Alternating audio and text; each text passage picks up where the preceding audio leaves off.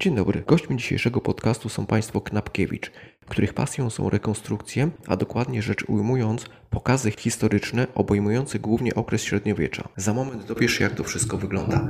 Zapraszam na podcast.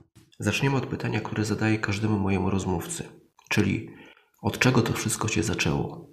Co roku wakacje gdzieś tam były za granicą. Gdzieś tam jeździliśmy. A to Skandynawia, a to gdzieś tam Chorwacja, Bałkany. No i w pewnym momencie to było już, będzie w tym roku to będzie 18 lat. No w tym roku mija 18 lat, gdzieś we wrześniu to tak będzie. Stanęło na tym, że no co, no trzeba by dzieciakom pokazać Polskę. No więc pojechaliśmy, taka, takie najpierw przygotowania, gdzie, co, jak, no to co pokażemy. No to Warmia, Mazury, Zamki Krzyżackie. Okej, okay, fajnie, no. Coś innego. Pojechaliśmy, no i tak, jeden zamek, drugi zamek, trzeci zamek, to muzeum, tam muzeum. No, no fajnie, no, wszystko super. I po wracając w zasadzie z Gierłoży, z yy, bunkrów, z Wilczego Szańca, yy, wjechaliśmy do Kętrzyna. I w Kętrzynie muzeum, no owszem muzeum, fajnie, no mały zameczek taki kameralny. Do muzeum nawet nie zdążyliśmy wejść. Bo się okazało, że co? No wchodzimy i na wejściu w podcieniach stoi gość w stroju rycerskim, że się tak wyrażę. Do tego na stole leżą e, różnego rodzaju artefakty związane z okresem średniowiecza, czyli leżą kolczugi, leżą hełmy, tarcze, topory, miecze.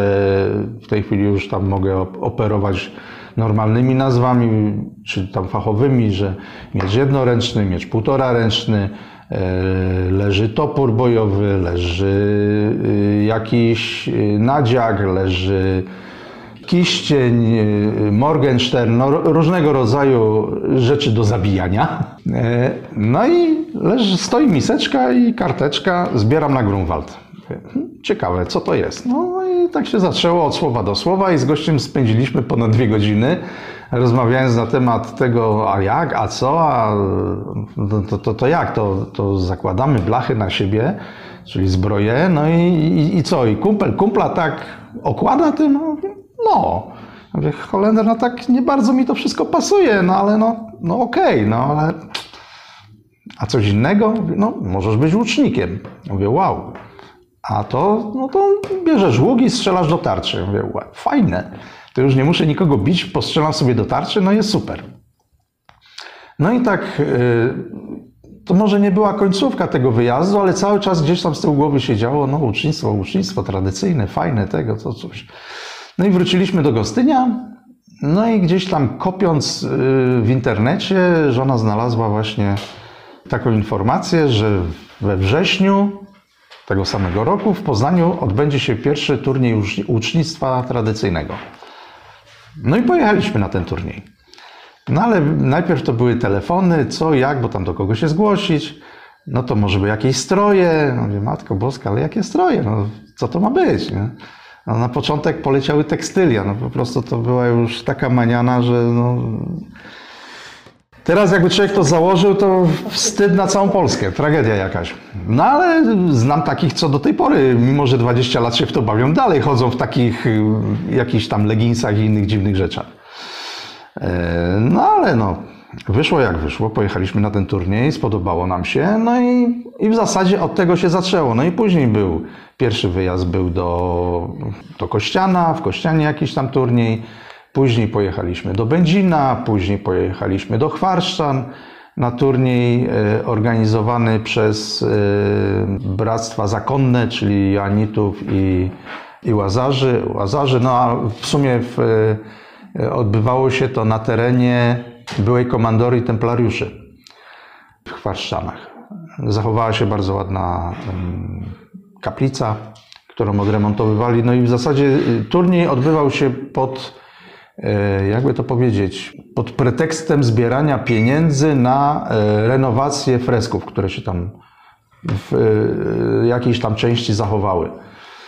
No i tak zaczęło się poznawanie ludzi. Później była Byczyna, wyjechaliśmy na turniej do Byczyny. No i poznawało się ludzi w ten sposób, że najpierw były, przychodziły zaproszenia na turnieje, to jeździliśmy w różne miejsca spotykaliśmy się z ludźmi, których już znaliśmy, poznawaliśmy nowych ludzi.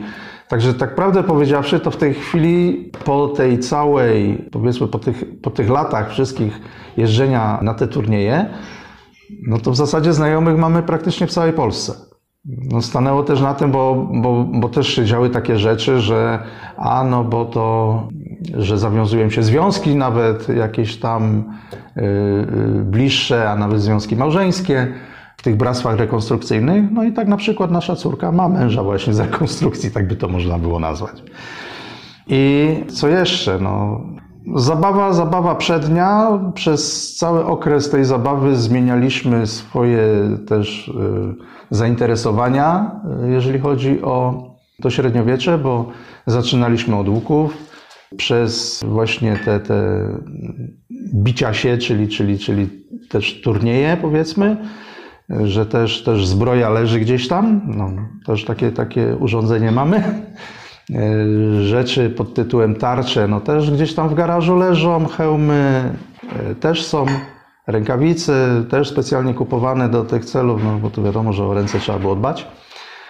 A do tego wszystkiego w którymś tam momencie stanęło na tym, że no, może jednak nie, bo to trzeba o łapy dbać, a były przypadki, że robili takie, takie głupoty, jak pamiętam e, jeden turniej w w Ogrodzieńcu odbył się turniej, no i później e, inscenizacja bitwy, no i też taka głupota, bo wzięli i wypuścili, wypuścili wczesnych na późnych, czyli wczesnych, czyli e, tych e, wikingów, Słowian na późnych, czyli wszystkich, którzy byli w blachach, czyli późna czternastka, piętnastka, czyli wszyscy już opancerzeni powiedzmy, a tamci w skórach, gdzie kto mógł, to tam jakaś tam kolczuga, gołe ręce, no więc ci w tych y, blachach, no to tam, no, no jak takiego uderzy? No przecież jak mu przywali, no to trup na miejscu, nie?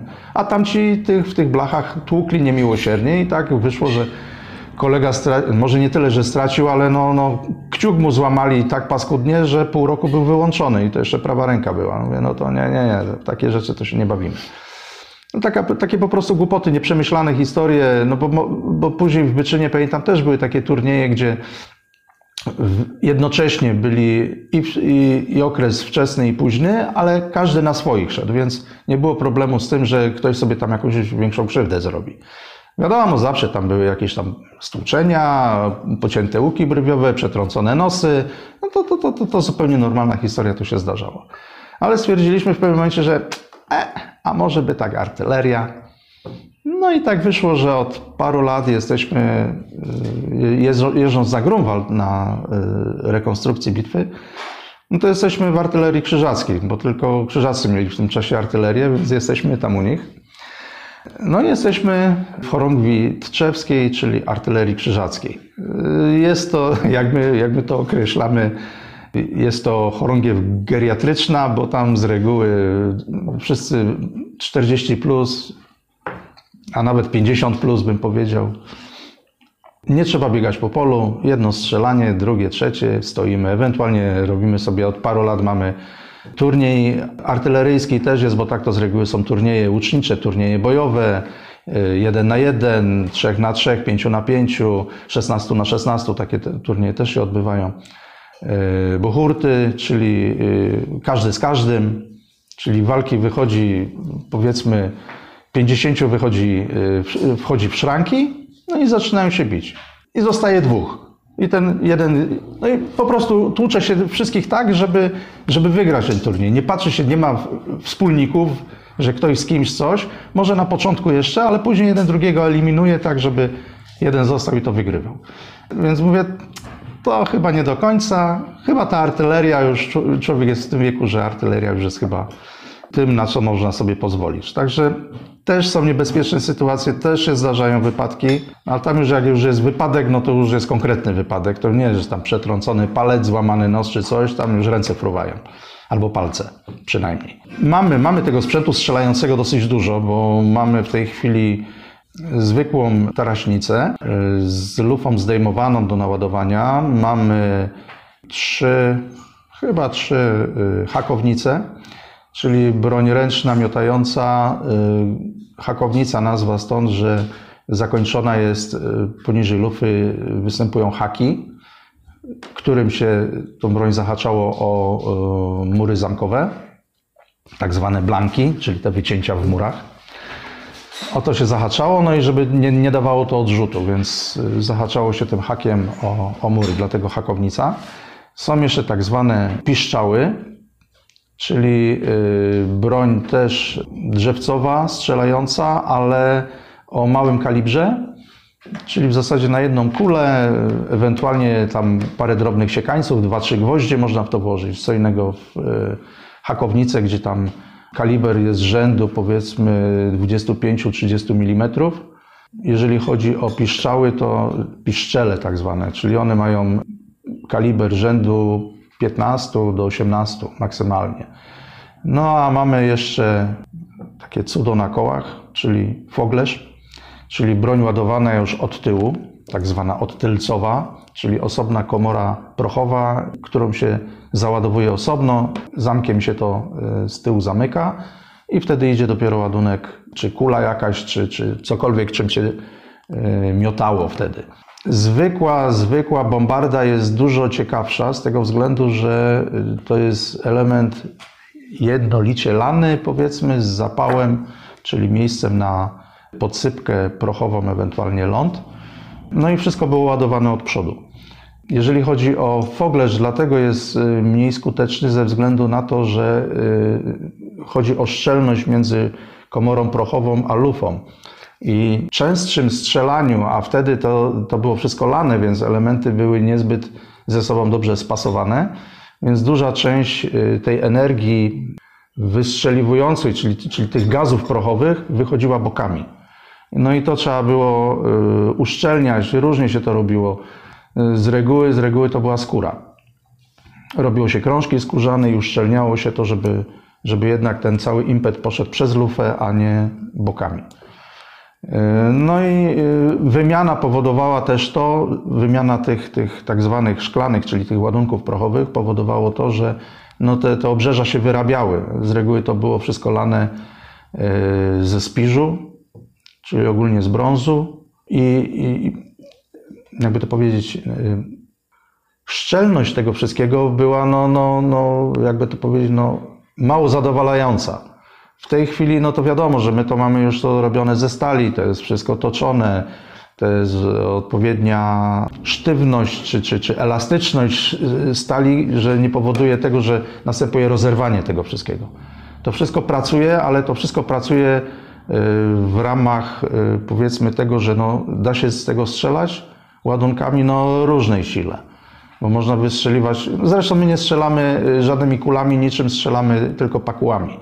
Więc chodzi o to, żeby był efekt dźwiękowy, no też wizualny, że w nocy przynajmniej widać smugę ognia na 1,5-2 metry czasami, w zależności od tego, ile tego prochu się tam włoży. To jest broń zrobiona z, z ikonografii w zasadzie. Tak jak wszystkie stroje są szyte z ikonografii, bo nie ma żadnych. No jest, jest parę książek, Profesor Gutkowska wydała taką książkę, ale to były lata przedwojenne jeszcze chyba, to jest lata 20, 20 mhm. któryś rok to jest wydanie tej książki. Ciężko ją dostać. My ją mamy. Tam są stroje, tam są stroje z epoki. W zasadzie to jest bardziej pod kątem tego, co jest, czy inaczej, to co było, y, z ikonografii wszystko wzięte, ale rozrysowane to mają dobrze y, Francuzi i Anglicy. Jest taka książka, tam jest pokazane, wszystko jest y, rozrysowany, każdy element, czy koszuli, czy tej bielizny spodniej, broni też. Broń, broń to jest osobna bajka, to jest osobne książki jeszcze tam mamy, jeżeli chodzi o, o broń, bo, bo broń się zachowała w niektórych, y, no tak, muzeum na przykład w Johnowie, koło Zielonej Góry, no to mają tej broni dosyć sporo i tam na przykład Y, doktor Kwaśniewicz wydał dwie książki na temat broni białej i broni miotającej, plus do tego samego jeszcze opancerzenia uzbrojenia. Więc tego, tego tam troszkę jest. Na broń czarnoprochową w ogóle nie potrzeba pozwolenia w tej chwili. Jeszcze. Późniejszą czarnoprochową też, pistolety na przykład, y, bo też mamy taki, y, rewolwer. No skałkowe, normalnie te kapiszonowe kapiszony też, no to wszystkie, cała broń kapiszonowa, to wszystko, to wszystko... Tutaj jest, y, jeżeli ma się pozwolenie na, y, pozwolenie na broń i można sobie elaborować y, własne własną amunicję, to wtedy jest legalny dostęp do prochu. I, i, mm, i dlatego możemy ten proch mieć i z takiej broni korzystać. Albo do tego jeszcze jest coś, co się nazywa Euro, Europejska Karta Broni. I wtedy, i wtedy, wtedy można legalnie kupić proch. Nie posiadając broni. Nie? Można kupić proch czarny, a nie jak do tej pory wszyscy proch kręcili sami. No to, to też nie jest żadna filozofia zrobienie prochu, bo strzelaliśmy z takiego prochu i czasami to wychodzi nawet dużo ciekawiej niż z prochu e, takiego oryginalnego. A także tylko kwestia zachowania proporcji, umiejętność mieszania tego. Wiadomo, że to żadnych metalowych elementów, no ale to już nie będę się wypowiadał. Proszę mi powiedzieć, jaki jest zasięg skuteczny takiej broni? Skuteczny zasięg to w zależności od kalibru. Wszystko zależy od kalibru, ale to, co było strzelane na przykład y, z broni krótkiej, powiedzmy sobie, czyli typu piszczele i hakownice, to to miało zasięg, powiedzmy sobie, no niedaleki, to było może do 100 metrów. Tutaj z celnością to, to, to, to, to nie bardzo chodziło o celność, tylko bardziej o wyeliminowanie z walki ludzi.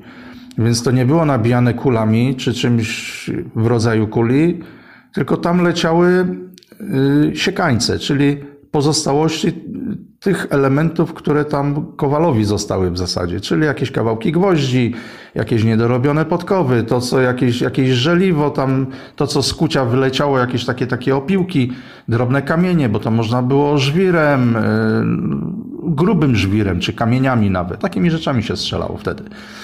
Zasięg samych dział, no to te działa to już tam nawet tam do 250-300 metrów mogło to polecieć. No, ale mówię, to w zależności od długości lufy, od kalibru, od ładunku prochowego, bo im mniejszy ładunek, mniejszy kaliber, no to wiadomo, że to leciało dużo bliżej. No i chodziło też o pole rażenia. Im większa lufa, tym to pole rażenia było większe. Bo to chodziło o to, żeby tym całym ładunkiem, który tam był, czyli powiedzmy tym, tym grysem kamiennym, no to można było zarzucić pole. No i przy okazji zamiast jednego, dwóch, to się trafiało 10-15 w zależności jaką ławą to całe towarzystwo szło.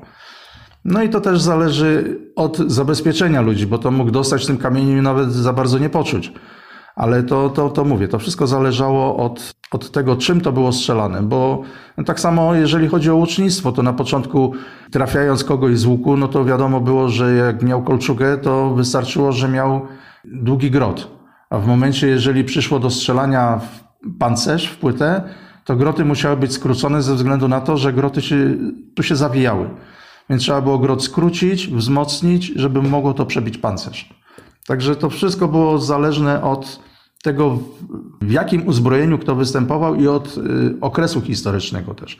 Bo we wczesnym okresie, czyli w okresie powiedzmy sobie y, wieku XIII, zupełnie inaczej to wyglądało niż y, w okresie przejściowym XIV wiek. Bo XV to już wiadomo, że to już była zbroja płytowa, to już było zupełnie coś innego.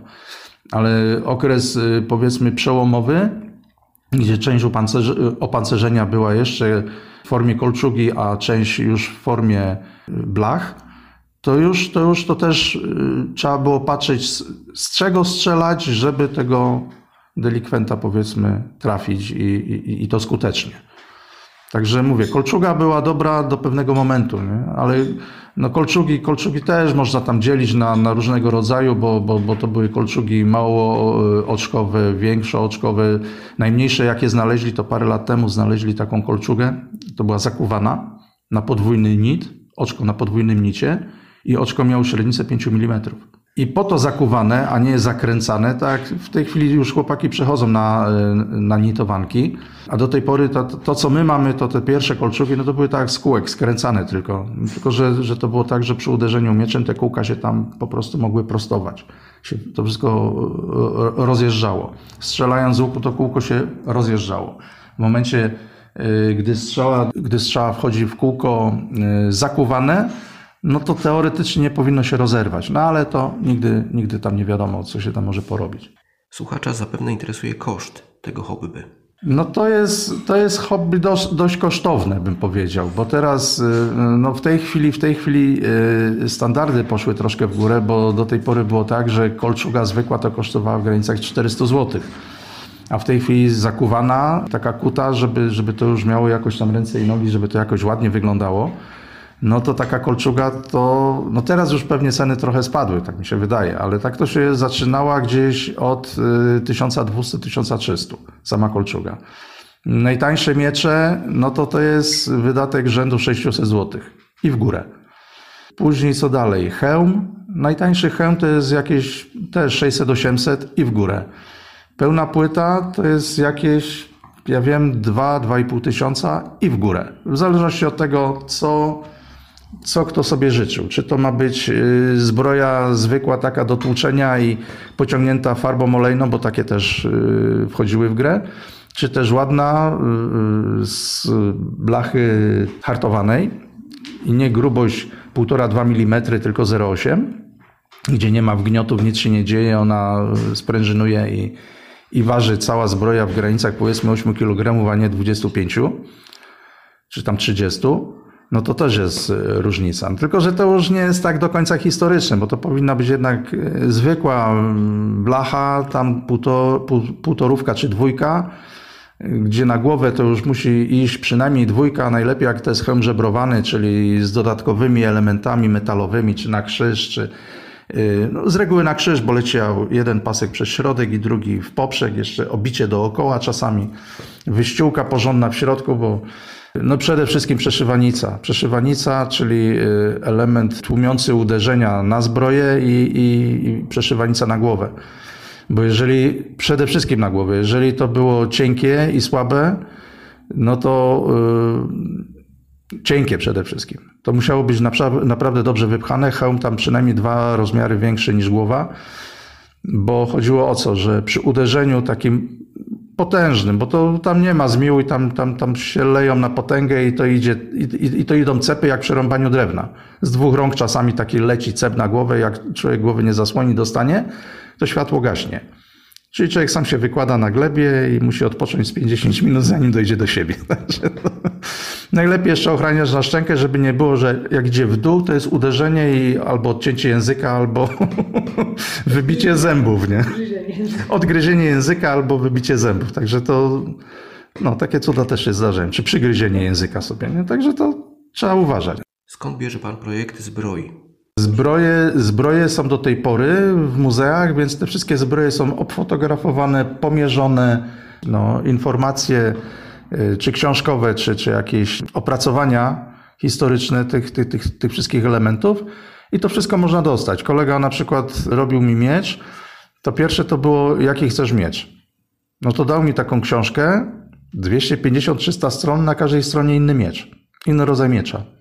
Dłuższy, krótszy, y, jelec zawinięty, jelec prosty. Sama kwestia y, jelca, czyli tej poprzeczki na, na mieczu. Bo jest rękojeść, no miecz tam jest y, dzielony na głownię, czyli część tą uderzającą, później jelec dzielący rękojeść i na końcu leci głowica. Głowica leci do wyważenia, czyli część wywa wyważająca całość, całość miecza. No i, i teraz było tak, różnego rodzaju jelce, różnego rodzaju głowice, czy głowica sześciokątna, czy głowica okrągła, czy głowica trójkątna, prostokątna, płaska, taka siaka. Jest mnóstwo różnych głowic do powiedzmy jednego rodzaju miecza. A teraz tych mieczy y, jest też od groma, bo są miecze krótkie, miecze dłuższe, bo y, się mówi, że jest turniej miecza długiego. No i teraz też była dyskusja, co to jest miecz długi, co to jest miecz krótki. Bo miecze krótkie, no to są takie, no powiedzmy do tych 60-70 centymetrów, a później miecze długie, no to już jest taki niby jednoręczny, a już bardziej półtorak, bo on już przekracza tam długość y, pewną, która powoduje to, że ten miecz jest w jednej ręce za długi. No fakt, że jak ktoś ma mocną rękę, to da radę go utrzymać. No i teraz waga tego miecza. Bo wszyscy mówią, a ile te miecze ważą? No te miecze dużo nie ważą. Taki miecz jednoręczny to jest y, waga rzędu 600 gram, pół kilograma czasami. Czyli to nie jest ciężki miecz. A znowu y, miecze półtora ręczne, no ja mam w miarę lekki miecz półtora ręczny, bo ja mam od Wacka Hurdalka z Czech, no to on waży kilo 200. I to się operuje dwoma rękami tym mieczem. A w zasadzie rękojeść jest tak na niecałe dwie ręce, a w zasadzie operuje się jedną ręką, a druga ręka leci na głowicy I wtedy się operuje głowicą. Tu się trzyma, głowicą się kręci, żeby cała reszta mogła fruwać.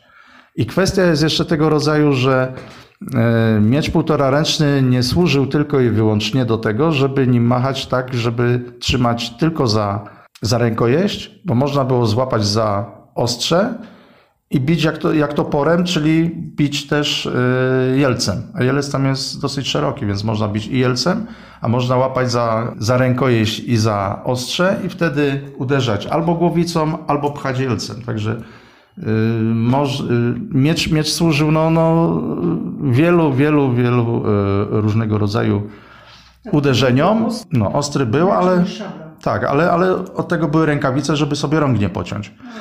Tak, ale, ale kwestia jest jeszcze tego rodzaju, że są tak zwane traktaty na walkę mieczem.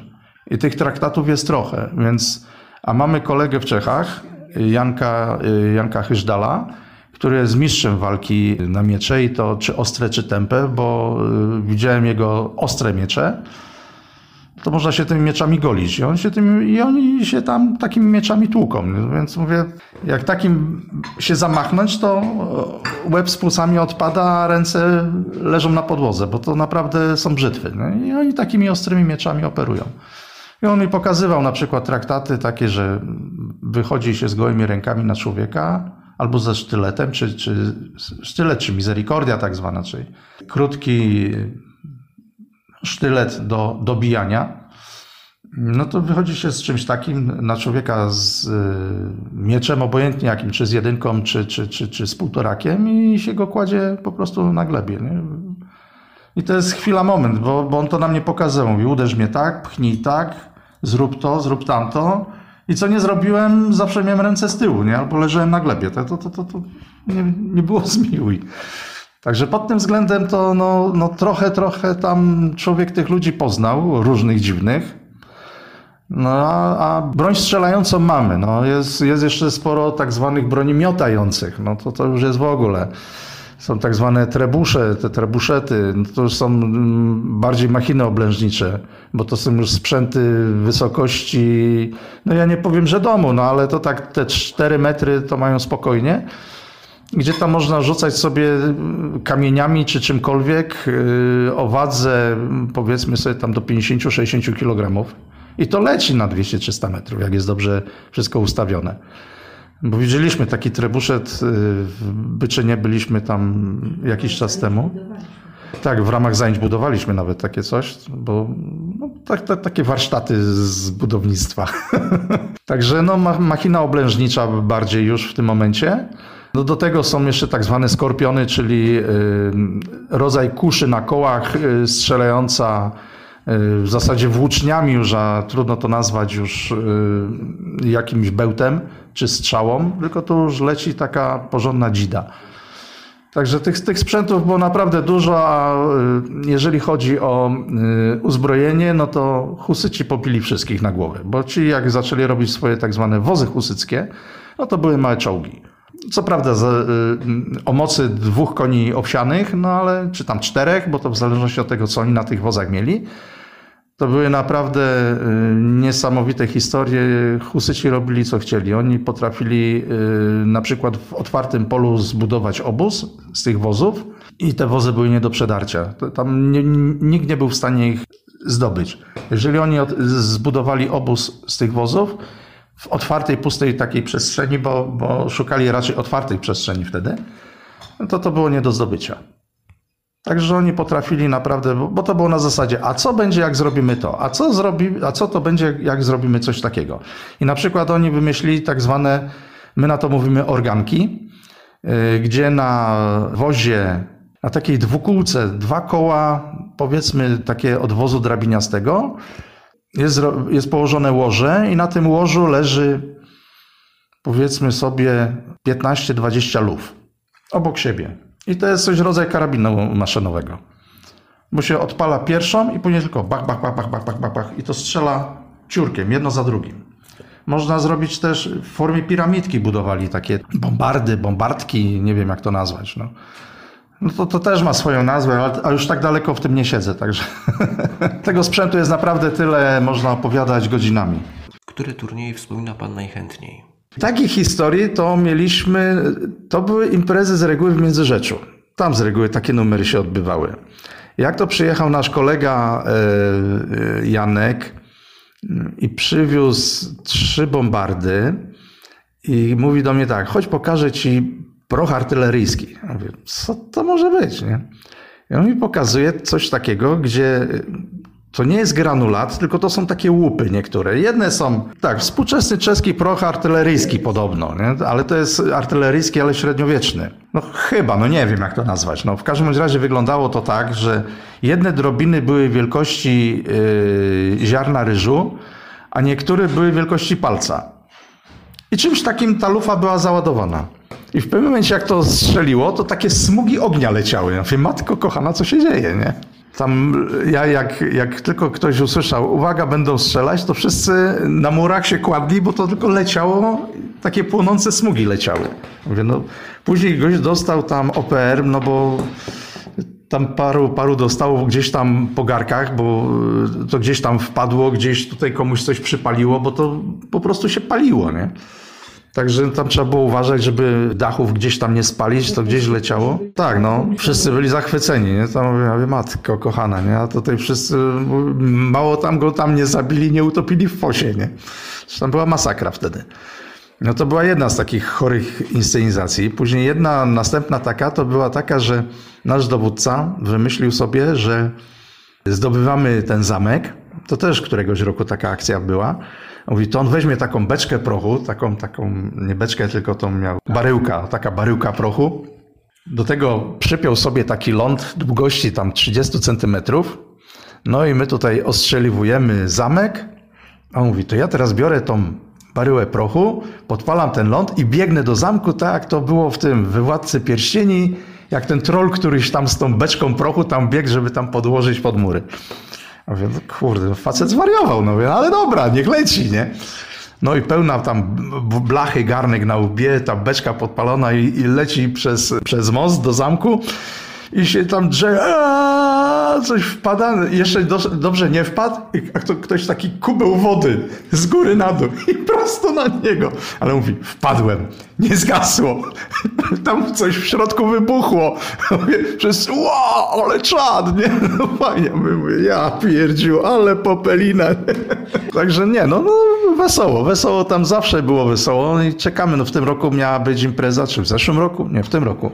Ale też coś nie wypaliło. Następna taka akcja znowu Międzyrzecz. Nasz kolega przyjechał, Igorek przywiózł ze sobą młot lucerański, a w zasadzie to, no, to chyba to, to nawet nie był luceran, to taki młot do wbijania diabli wiedzą czego.